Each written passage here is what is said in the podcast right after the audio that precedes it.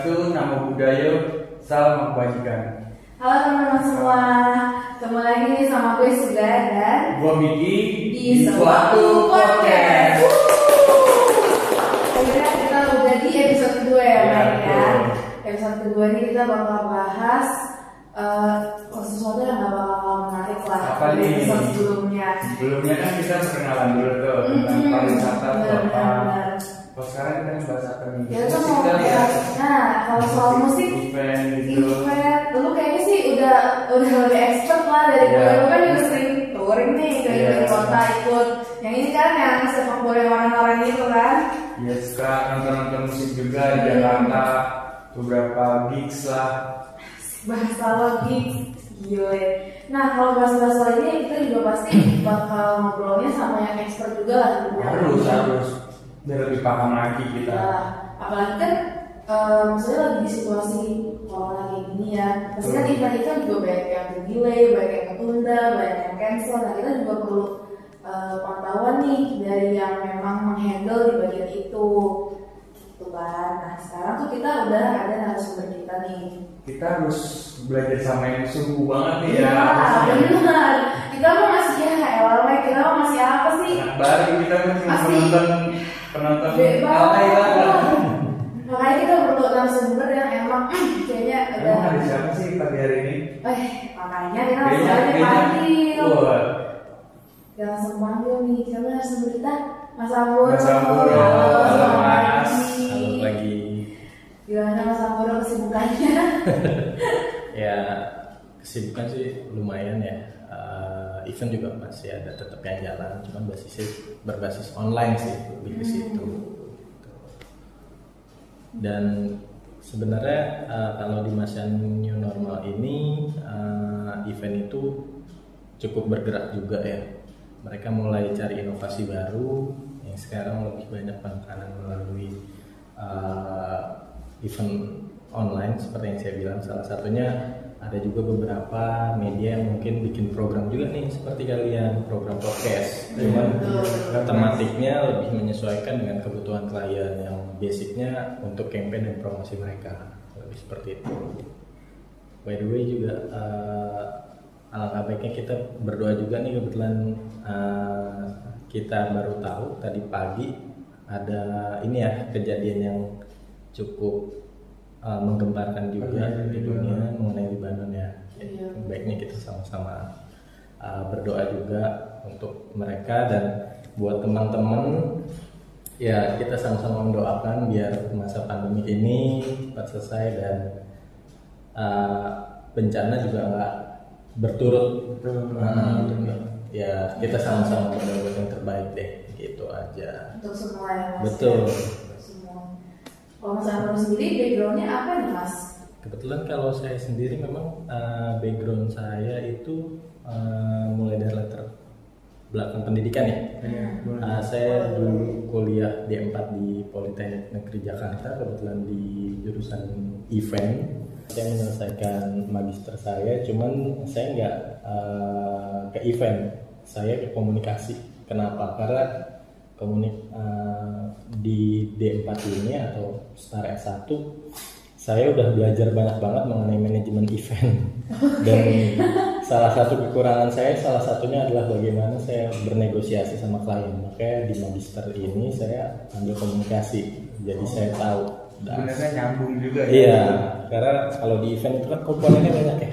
Iya. salah satunya kita harus bisa negosiasi dengan klien nah di magister itu saya belajar mengenai teori dasarnya mengenai psikologi orang. Dari situ tentunya uh, kita bisa apa ya membuat persepsi yang sama dengan klien memposisikan klien di mana kebutuhannya dan kita bisa memberikan asis yang bagus untuk mereka. Dan itu penting banget karena basicnya ketika negosiasi proses planning itu nanti kita negosiasi nanti akan ada perubahan nih dan perubahan itu sebenarnya fungsinya kita sebagai negosiator juga untuk menjaga mengenai uh, dari perencanaan kita biar nggak berubah terlalu jauh. Nah, saya belajar lebih sejauh itu. Kalau kebetulan untuk uh, pekerjaan saya kebetulan sekarang saya di Tribun Network dan kebetulan saya pegang sebagai supervisor production event production dan saya memegang uh, di salah satunya itu pekerjaan saya adalah mengontrol event di 23 provinsi di Indonesia. Lebih ke situ sih. Dan kebetulan uh, sekarang pun saya dapat tugas untuk nge ngejaga salah satu media di Jakarta. Yang ini ya merupakan salah satu cabang dari Tribun Network salah satu warta kota. Saya juga fokus ke situ juga gitu. Jadi double job di masa pandemi kayak sekarang gini pekerjaan tetap ini ya mas tetap jalan di Betul. tengah pandemi tapi kalau tadi kan ya Allah mas sudah sempat sampaikan ya berarti event-event sekarang ini mulai ke arahnya online online Iya, kalau nggak salah saya juga pernah sempat dengar Mas Amboro sempat ngadain event juga kan di masa pandemi gini. iya event yang kebetulan saya pegang, pegang program juga pegang program namanya Tribun Backstage di mana sebenarnya program itu untuk mengedukasi orang yang awam event ya mulai dari mahasiswa atau misalnya orang yang tertarik, tertarik mengenai event di situ pembahasannya simpel sih sebenarnya pembahasannya hanya memberikan pengetahuan yang di mana di bangku sekolah itu nggak ada kayak misalnya cara ngegulung kabel sound kayak gimana Padahal Iya kan? kayak cuma Kayaknya cuma gulung aja, Iya. ada tekniknya ya. ada tekniknya Oh, ada tekniknya mas. ada teknik karena itu nanti eh, ngejaga juga mengenai maintenance kabel Iya, itu. Oh, iya.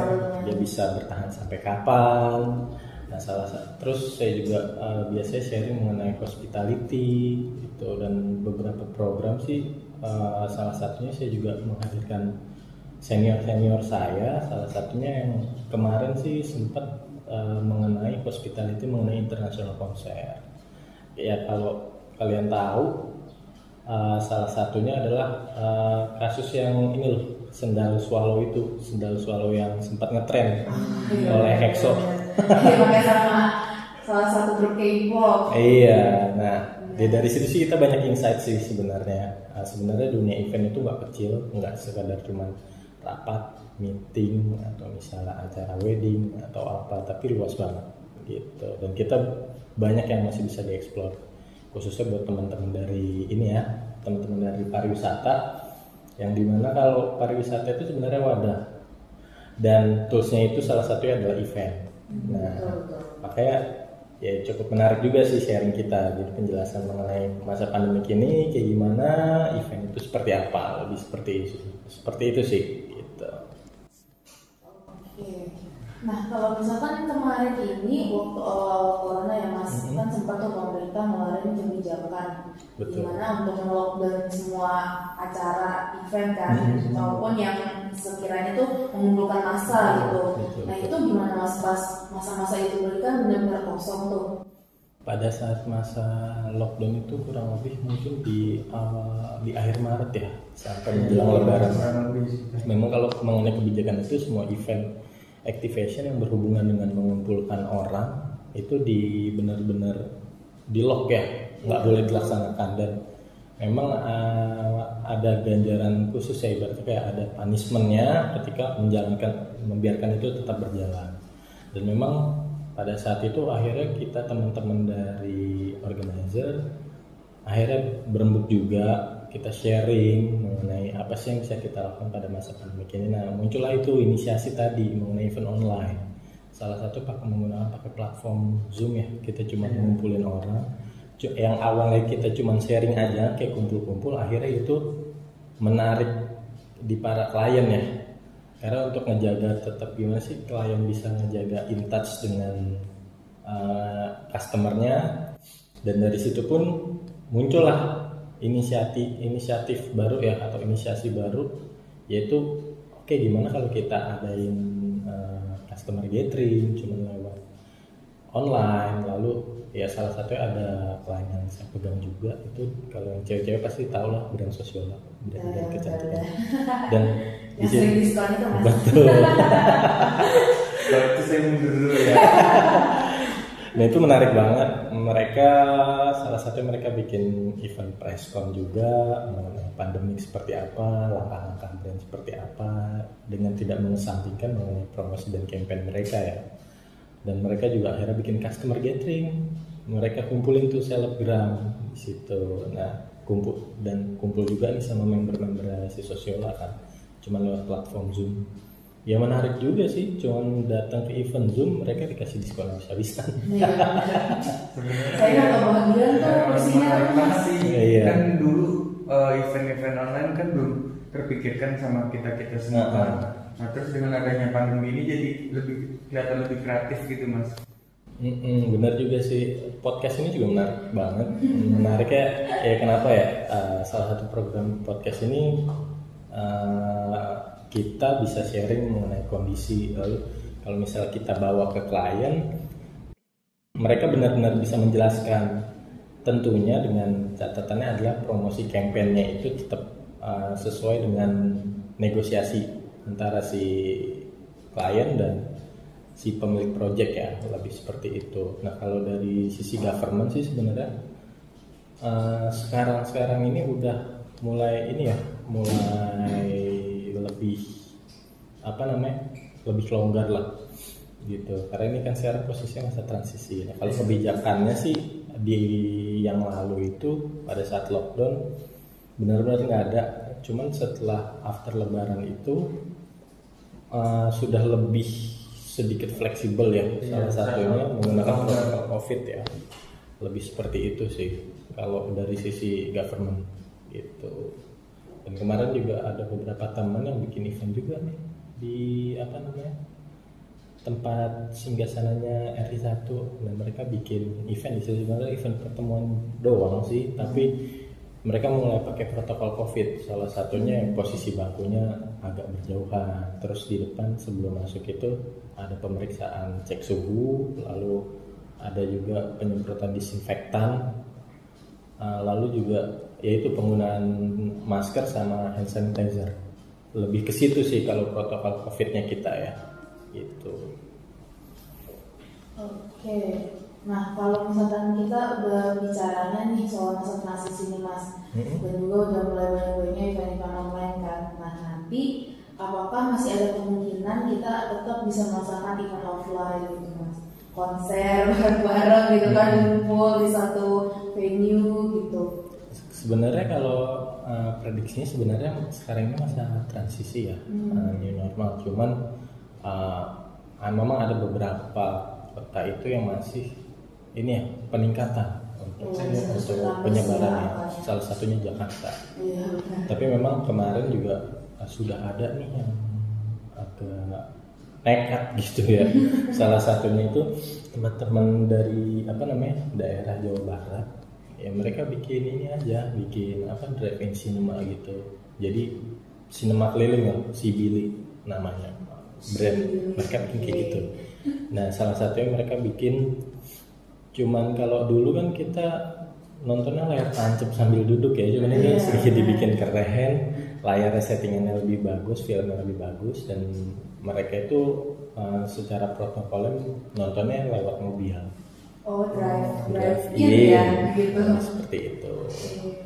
ya dari situ sih uh, dan memang ada beberapa kalau kemarin ada dari asosiasi juga itu uh, ada beberapa simulasi ya untuk event kemarin di JCC kebetulan itu mengenai skema pameran seperti apa seminar atau kongres kayak gimana dan kebetulan ada partner saya juga itu yang uh, apa namanya memegang event Jakarta Marathon. Nah, kemarin sempat simulasi juga. Nah sekarang sebenarnya lagi proses. Jadi kalau misalnya uh, simulasi ini uh, diperbolehkan ya dan memang kalau di Jakarta Marathon itu kan di Jakarta ya eventnya dan mereka sudah merancang mengenai protokol covid seperti apa. Sebenarnya kalau lewat event itu bisa berjalan bisa goal next event kita pasti bisa jalan. Tapi itu kita lihat kondisi juga mengenai penyebaran karena kalau sekarang sih mungkin ya awal-awal orang baru yang kabar di Depok baru dua orang. Iya. Nah, corona Langsung panik semuanya kan. Tiba-tiba sekarang yang tiba-tiba meningkatnya drastis banget orang udah cuek sekarang. Sebenarnya sih kalau saya sharing juga sama dokter lebih ke ini ya apa kita positive thinking aja sebenarnya karena kita nggak boleh stres gitu. Kita maksudnya agak hidupnya lebih santai cuman terencana lah ibaratnya. Gitu. Jadi tetap punya pandangan buat ke depan seperti apa. Lebih ke situ sih itu juga bagus banget sebenarnya. Kita berpikir positif ya otomatis imun akan kejaga Betul. bagus dan kita tetap bisa beraktivitas. Waktu itu pernah uh, ngeliat iklan jadi eh, ada pandangan tentang event ke depan. Jadi itu eh, ini agak lucu juga sih mas Hmm. sebenarnya. Penonton sama pemain bandnya eh, yang manggung itu pakai bubble wrap. Masalahnya itu kedengeran apa enggak? Entah iklannya apa gitu pokoknya pas skip aduh enggak. Aneh kan langsung kita skip aja lah. Agak nggak masuk soalnya. Sebenarnya itu kan teknikal aja Iya. ya teknikal ya. Sebenarnya uh, saya juga lagi ngerancang program namanya drive in konser dan itu emang udah jalan di Korea. Dan mengenai bubble wrap itu sebenarnya posi possibility-nya sih enak aja gitu bisa aja. Karena secara teknikal nanti yang penting kita megang handphone misal pakai headset mau wireless atau apa nanti konser itu uh, ibaratnya akan ditarik nih ke radio FM jadi akan disetelkan lewat radio gitu. Jadi mereka live di panggung cuman kedengaran lewat headset. Oh. Udah bisa seperti itu. Kalau konsep drive innya yaitu kita basisnya bekerja sama sama radio jadi nanti channel itu akan di lock untuk konser itu dan kita cukup dengerin lewat apa radio di mobil. Lebih seperti itu sih. Dan itu emang udah jalan juga. Oh, udah jalan malah. udah jalan Makanya pas saya itu kok kan karena saya emang ibaratnya orang, orang dulu lah. iya Enggak kayak gitu kok kayak gini banget ya. Banget. Ini apa yang mesti dinikmatin? Tapi kan sebagai orang event kan pasti punya inilah planning-planning Iya. gimana biar tetap itu berjalan dan menarik kan pastinya. benar ya cuman emang in touch ngelihat uh, ya in touch langsungnya kurang lah ngobrol Iya, ya. pasti lah Ya, kalau kalian konser dulu bisa mosi-mosi sekarang nggak bisa. ini nih yang anak musik nih Iya pasti ya walaupun event online ataupun modelnya seperti apa pun Hmm. ya pasti kita akan menemukan cara lah ya mas gitu Mm-mm, pasti selalu ada jalan Pasti. Oke, nah kalau caranya agar bisa mema- memaintain semua suatu event agar bisa sustain gitu. Mm. Kadang kan kalau misalkan kita bicara mahasiswa mas, Mm. di sini aja di Pancasila tuh banyak nih fakultas ini bikin Iya, fakultas bikin atau event, fakultas punya event gitu. Cuma terkadang mungkin ada yang tidak bisa termaintenance dengan baik lah gitu ataupun juga jadinya dengan mendatangkan pengunjungnya juga nggak banyak sasaran segmennya juga nggak banyak nah itu kalau dari sisi uh, Anggoro yang udah di industri nih Mhm. kira-kira gimana nih tips dan triknya gitu sebenarnya eh, kalau kita kaji secara teori eh, sebenarnya kan kalau produk itu kebagi dua ya. Yang punya valuable atau marketable. Kalau valuable itu kan dia punya nilai nih. Jadi benar-benar kalian bikin sesuatu yang baru.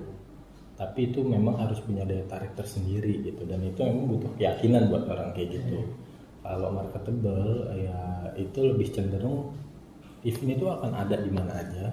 Cuman tinggal persaingannya aja. Gimmicknya seperti apa gitu. Tapi dengan eh, aspek atau komponen yang sama. Kayak misalnya contohnya begini eh, orang bikin konser konser dangdut lah ya kan? Kons- konser dangdut di Ja- apa beda ya konser dangdut di Jawa Barat sama Jawa Tengah? Iya. yang membedakan kan cuma biduannya aja kan?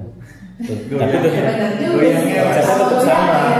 gitu. Nah itu lebih ke marketable ya. Kalau misalnya valuable ya contohnya ya kalian tahu uh, synchronize my synchronize event ya. Synchronize musik synchronize konser nah itu dia valuable banget di mana yang awalnya uh, mereka cuma bikin line up-nya sedikit line up-nya yang biasa-biasa aja sampai ya kalau kalian saya boleh share sih sebenarnya sinkronis itu empat tahun awal itu rugi sebenarnya tapi mereka percaya dan yakin bahwa ini ke depannya bakal bagus banget Idealisnya gitu. tinggi. ya Idealisnya tinggi. karena karena di Indonesia belum ada. Betul. itu posisinya di situ. Nah di situ mereka tetap bisa create bisa campaign dan akhirnya uh, ngebuat community-nya juga gitu. Orang mereka tahu segmennya oh segmen segmentasi line up indie ada berapa ribu orang sih di Indonesia. Terus mereka punya kemampuan berapa sih? Dan mereka juga kerja sama juga sama apa namanya startup startup baru nih. Iya. gitu. Salah satunya mereka tiket itu lewat Bukalapak lewat Gotix dan lain-lain. Dan di situ memang valuable ini eh, merupakan sesuatu hal yang butuh proses gitu dan butuh sabar juga gitu. Sejujurnya saya kebetulan kan operation manager teman saya juga yang handle itu saya sharing-sharing di tahun kelima ke enam ini mereka untungnya bisa beratus-ratus kali lipat dari proyeksi itu. Dan menurut mereka itu nutup gitu dengan kerja mereka, keras mereka dalam beberapa tahun itu gitu. Nah di situ ya itulah salah satunya valuable itu. Dan kalau kalian tahu di luar negeri itu kayak Tomorrowland terus konser di Coachella. Nah itu kan awalnya orang apa sih ini? Cuman akhirnya itu ditiru juga di banyak negara di Thailand ditiru juga gitu loh dan akhirnya itu menjadi apa ya kalau Coachella itu hampir orang-orang di dunia itu datang sih Iya sih. buat Tahu datang semua. Iya. Mereka kalian pasti tahu, ngerti banget. Ya kalau bisa datang ke situ ya amazing lah harga tiketnya ya. Iya Mas. Mas, tapi kan tadi udah bicara tentang synchronize nih. Eh, menurut saya itu kayak nggak beda jauh kayak dari Jack Lock yang musik-musiknya kan eh, Jack Lock kan juga ada musiknya tuh. benar. Eh, di itu juga dalam satu panggung juga nggak cuma satu genre sebenarnya kalau Jack Lock kan hampir sama kayak Synchronize. Mm-mm. Nah sebenarnya eh, kalau kita boleh sharing, jackpot itu kan kebagi ke banyak orang ya sebenarnya. Iya. Nah di situ kalau eh, karena mereka nggak fokus, mereka di situ ada pameran juga, branding juga. Oh, iya, dan mereka ngeliatin mengenai trennya, stylenya, hype-nya seperti apa. Iya. Kalau misalnya dia fokus di musik itu beda. Karena kalau musik itu selalu berkembang kan. Berkembang maksudnya orang selalu menikmati, gampang, gak ada paksaan. Iya. Gitu. Tapi kalau misalnya kalau kita ambil contoh Jack Cloud, mereka kan sebenarnya fokusnya ke clothing ya, Iya. jualan. Iya. Sebenarnya gak fokus ke panggung, walaupun kadang mereka eh, ada saya juga pernah datang juga panggungnya beda nih cuman ya itu cuma buat gimmick aja mereka nggak fokus ke situ gitu. Iya. gitu, Mas. Kalau kalian ngikutin Synchronous dari awal sampai sekarang line up-nya pasti berubah-berubah. Sampai sekarang pun ada line up yang isinya orang main keroncong, ibu-ibu main rebana, dan itu orang nonton gitu. Karena menarik banget.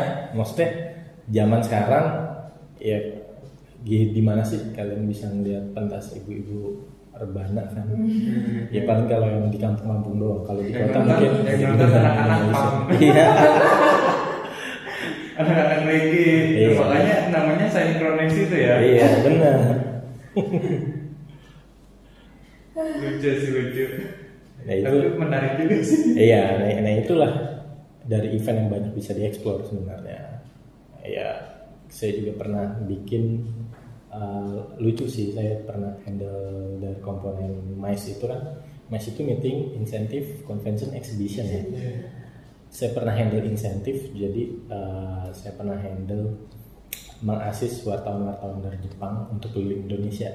Jadi intinya saya ngajak mereka jalan-jalan nih, cuman buat nulis nanti di Jepang untuk promosi. Waktu itu saya ke Pulau Komodo dan mereka ngeliat video YouTube.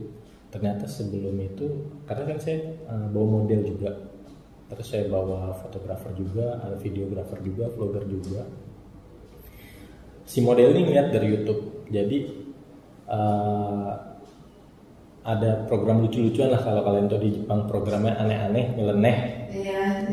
ya kan gitu. Iya. nah itu salah satunya mereka ada yang ini eh, daging diikat di pinggang mereka pakai pakai tali ya terus nanti kayak orang itu harus lari buat dikejar-kejar komodo Astaga. gitu Itu nyumbang maut apa gimana ya? Ya. Nah itulah kalau misalnya event kan seperti itu ya. Iya. Cuman, nah di sini peran peran saya ini cukup signifikan karena di sini kan program itu dari Kementerian Pariwisata ya membawa nama Indonesia. Kalau saya nggak bisa mengakses mereka itu bahaya banget Iya. Saya saya coba negosiasi mulai dari eh, saya kontak dari apa namanya salah satu ini ya eh, apa namanya sih istilahnya dari government pemerintahan.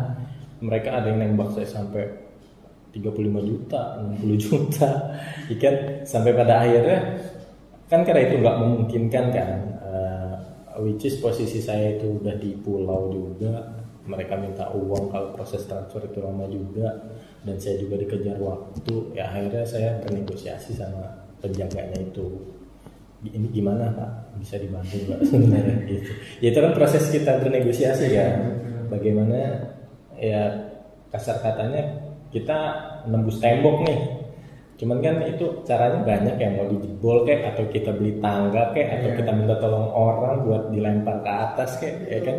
Nah itu eh, salah satunya saya negosiasi ke situ sebenarnya akhirnya mau nih penjaga. Saya cuma ngasih duit 3 juta ke enam orang penjaga untuk menjagain itu. Terus saya negosiasi lagi sama si model ini. Ini udah oke tinggal kamu gimana? Tapi resikonya saya jelasin begini begini begini begini. Karena orang Jepang itu orangnya ini banget ya apa namanya manajemen resikonya hebat ya dari personalnya mereka udah diajarin dari kecil. Bimbang nih dia nih. Mau atau enggak nih? Ya kan ya udah saya kasih waktu. Lihat dulu tuh kan ada di sana kan ada rumah rumahnya kan rumah panggung nih liatin. Kamu lihat pemudanya aja dulu. Coba. Ya saya ngobrol. Ya kamu coba cobalah lihat secara gimana apakah Interaksi batin dulu sama Iya. kalau bahasa saya sih itu eksploitasi binatang Ya udah dia melihat dulu sesambil makan sama ngobrol sama si penjaganya itu teknikalnya kayak gimana. Akhirnya dia ya udah karena dia berpikir itu akan eksploitasi binatang kan akhirnya di cancel nggak jadi. Kan dibrak. Udah sampai proses tinggal jalan udah closing. Ya akhirnya berubah. Nah itulah uh, pengalaman juga sih karakter saya buat ngehandle orang orang yang unik ya itu kan kalau wartawan itu mereka ya nggak nggak butuh sesuatu hal yang prestis atau apa mereka cuman kejar tujuan mereka aja gitu dan lucunya ada yang cuman datang ke Flores itu cuman pengen lihat apa namanya eh, pohon karet pohon kapas sama singkong udah itu kan buat kita biasa banget ya Iya, rumah saya banyak tapi di Jepang nggak ada di Jepang nggak ada. Gitu. Teman-teman kita di Indonesia. Iya. Dan semua ada di luar negeri. nah itu. Nah itu ya, ya sebenarnya buat insight buat kita buat teman-teman dari pariwisata juga. Terus ya mas yang mau berkecimpung di dunia event ya harus ngerti kondisi-kondisi kayak gitu gitu. Sebenarnya di Indonesia itu banyak banget tuh kayaknya yang masih bisa digali biar banyak banyak banget. Ya kalau hitungannya kalian nih mau mau travel ke Indonesia nggak cukup 3 sampai lima tahun lah selesai itu. Gitu. Dan itu posisinya jalan terus ya. Ya kan? Kalian buat explore Kalimantan aja itu waduh itu udah banyak banget sebenarnya. Mau tiara hitamnya di sana. Terus belum ke, ke timur ke Ambon ke Kupang ke Sumbawa. Wah itu udah benar-benar menarik banget sebenarnya kalau kalian yang dari sisi pariwisata ya. Kalau menurut saya Iya orang saya aja orang Depok ke Jakarta sama Bogor aja belum belum semuanya kalau bisa dibilang. Jawa ini belum selesai mau Jawa. Iya itu dia makanya nggak akan cukup. Saya juga udah di tahun berapa 2007 2016 itu saya ke Bali sebulan sekali di dalam setahun. Dan itu akhirnya ya saya tahu Bali cuman ternyata masih banyak juga bisa tahu lagi. Iya. Iya. Hmm. Emang ada habis-habisnya apalagi Malaysia itu kan terus orientasinya jangka panjang, Hmm. depan terus berjalan gitu kan, nggak stuck di tempat gitu. Benar karena ya salah satunya sekarang pariwisata ini penghasil devisa ya termasuk pemangku lah ibaratnya. Orang juga punya ujung tombak di pariwisata. Itu makanya pada saat pandemi ini nih gokil-gokilan nih sebenarnya. Gokil maksudnya regulasi sempat ada regulasi eh, ada diskon gede-gedean kan untuk Iya. terbang. Iya, Nah, sebenarnya di satu sisi tapi disuruh stay at home Iya, nah itu kan paradigma orang sama pemerintah yang nggak sinkron iya bener. gitu. Ya cuman kalau kita sih sebenarnya ambil jalur tengahnya aja, sisi positifnya.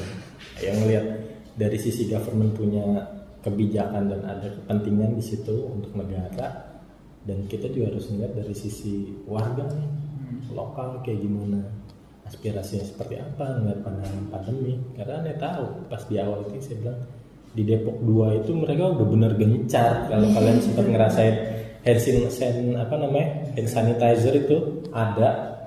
Dan tiba-tiba kalian di supermarket udah ada diborong orang kan kalian pasti ngerasain itu. Tuh panik mana-mana iya harga-harga alat kesehatan tiba-tiba naik. Naik semua. Supermarket semuanya ludes. Iya waduh masker satu lembar aja sampai berapa ribu lebih Iya, semua harus jadi cuan di mana-mana. nah itulah Indonesia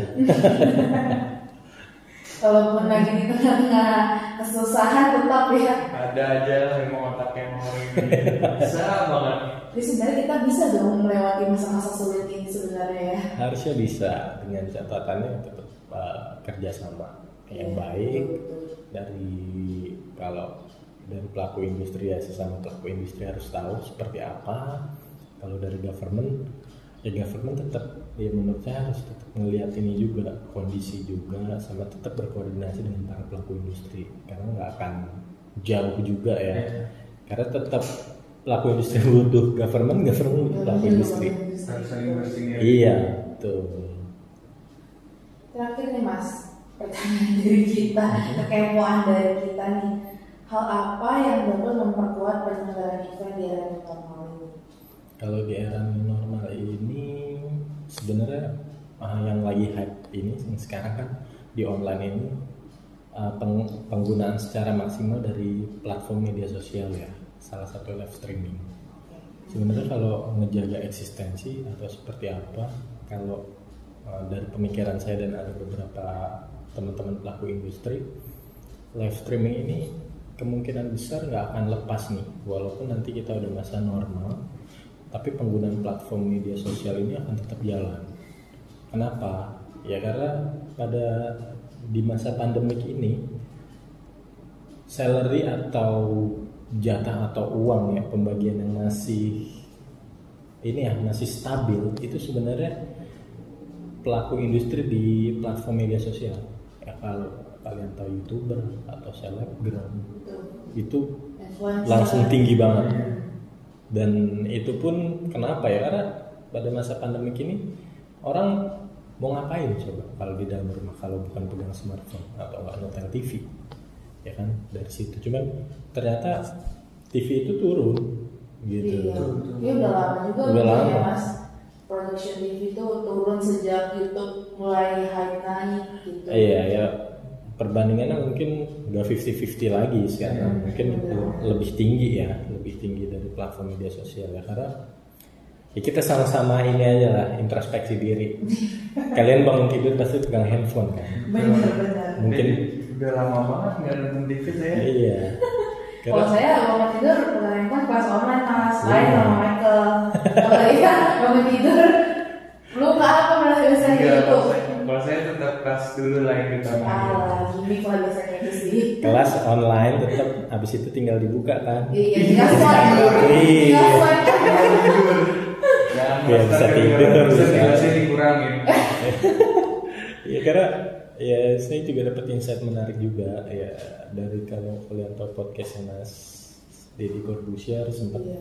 ada yang ini ya sama Nadiem Makarim sebelum dia jadi menteri itu menarik banget gitu. Menariknya kenapa? Ternyata si Mas Nadiem ini udah gak pegang medsos udah berapa tahun. Dan menurut dia hidup dia lagi lebih lebih ini ya lebih berwarna banget. Kenapa? Ya ketika dia nggak pegang media sosial dia nggak akan ketergantungan. Iya, Gitu. sih. lebih indah sih sebenarnya. lebih indah. Jadi ya kalau butuh sama temen ya telepon kumpul cerita gitu. Iya. jadi kalau misalnya galau atau apa, apa ini nggak lewat ke medsos cuman kan medsos itu sebenarnya alat ya alat yang bisa ngebantu juga sebenarnya cuman tinggal cara Dengan cara usernya Ya. aja. Kalau Betul. ada sih dulu saya, saya main disamper dipanggil kan Buru-buru. Gue depan rumah. itu udah di depan rumah ya Gue depan rumah nih buruan.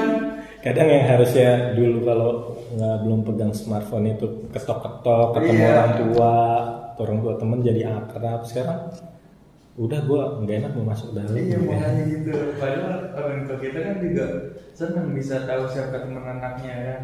benar nah itu ya itu balik lagi eh, kalau mengenai komponen yang akan masih ini ya masih tetap eksis ya kalau dari asumsi saya mengenai live streaming ini gitu karena live, live streaming ini sekarang lagi kuat banget dari semua media bahkan ada beberapa media itu yang tadi media cetak akhirnya mereka bikin nih platform untuk TV atau misalnya gimana ya itu bisa ngangkat mereka lah ibaratnya gitu. Ya memang media yang bagus ya harus berkembang seperti itu gitu. Cuman ya tetap aja ada orang yang butuh mau ngeliat berita nggak lewat handphone harus baca koran. Iya, Pasti ada ada sih, aja. pasti ada ya kak kakek nenek kalian orang tua kalian ya ya kadang menurut saya termasuk saya juga sebenarnya ketika saya ngebuka koran sama ngeliat berita lewat handphone handphone. itu beda Iya, rasanya beda beda aja gitu. Iya. Bener-bener. Tapi juga ngerasa kayak gitu. Jadi walaupun ya jangan berubah, teknologi juga semakin maju, ya kayak di hambatan lah. Hmm. Selalu kayak kembali lagi selalu jalan. Gitu. Oke, ternyata kita udah banyak banget. Waktu nih mas. Iya. Banyak banget nih. Oke. Kita juga udah banyak ngobrol-ngobrol soal event di era new normal di bakal kayak gimana. Jadi punya kita punya pandangan jangan jangan jadi langsung skeptis lah lagi corona kayak gini tetap selalu ada yang bisa kita lakukan gitu tetap positif thinking lah tetap intinya. positive thinking betul mas karena tadi kuncinya jangan stres jangan stres. Iya. Stres memicu semua penyakit kayaknya. Ya Betul. Bener. ya harusnya kalian bisa kumpul-kumpul sama teman-teman sekarang. Jarang-jarang juga buat kumpul kan? Pada Iya. mikir yang mau kumpul kan? Mau kumpul online zoom iya kuota. Ih. Ya udahlah. Jangan di masing-masing aja iya Kalau kata Mas Waniki gembira adalah obat. betul setuju setuju saya setuju banget itu ya musisi yang menurut saya nggak ada stres-stres sih udah hidup hidup aja jadi hidupnya slow banget Iya. mengalir aja Bob gitu Marley ya seperti itu konsepnya Mungkin kita ya meniru lah orang-orang seperti itu. Betul. Hidup juga perlu santai terkadang. Mm-mm. Gitu Mike. Jadi lu juga yang stres-stres Mike. Enggak lah, enggak, enggak. ya kalau si dia nggak balas ya positif thinking aja mungkin lagi balas yang lain atau lagi masak gitu Kalau balas yang lain sih kayak kenyataan sih itu. Bukan lagi positive thinking gitu. Oke. Ini ilmunya banyak banget Iya. Walaupun agak bercanda tapi sebenarnya isinya tuh ada banget tuh ya kan Hmm. dari Mas Samboro ini. Kita juga satu podcast ini gak bakal selesai sama Mas Sambor doang. Kita Lanjut ada beberapa episode lagi. Pembahasannya pun juga berbeda, nggak akan tentang Mas aja atau tentang pariwisata aja, tapi akan tentang tourism education. Gimana sih pariwisata itu gitu? Di dalam pariwisata itu seperti apa gitu kan ya. Betul, betul. Oke, mungkin kita terima kasih sama Samboro. Mas. Terima kasih dengan di tengah kesibukannya yang banyak datang ke suatu podcast yang yang masa yang masih baru bulan pas ini. gitu. Terima kasih Mas. Michael, mungkin lo masih ada beberapa kata? Eh, Kata-kata penutup nih. kata-kata mutiara intinya salam semangat and keep full service. Terima kasih teman-teman. Jangan lupa nantikan episode-episode selanjutnya di Waktu Sewaktu Podcast. Podcast. Bye. Bye.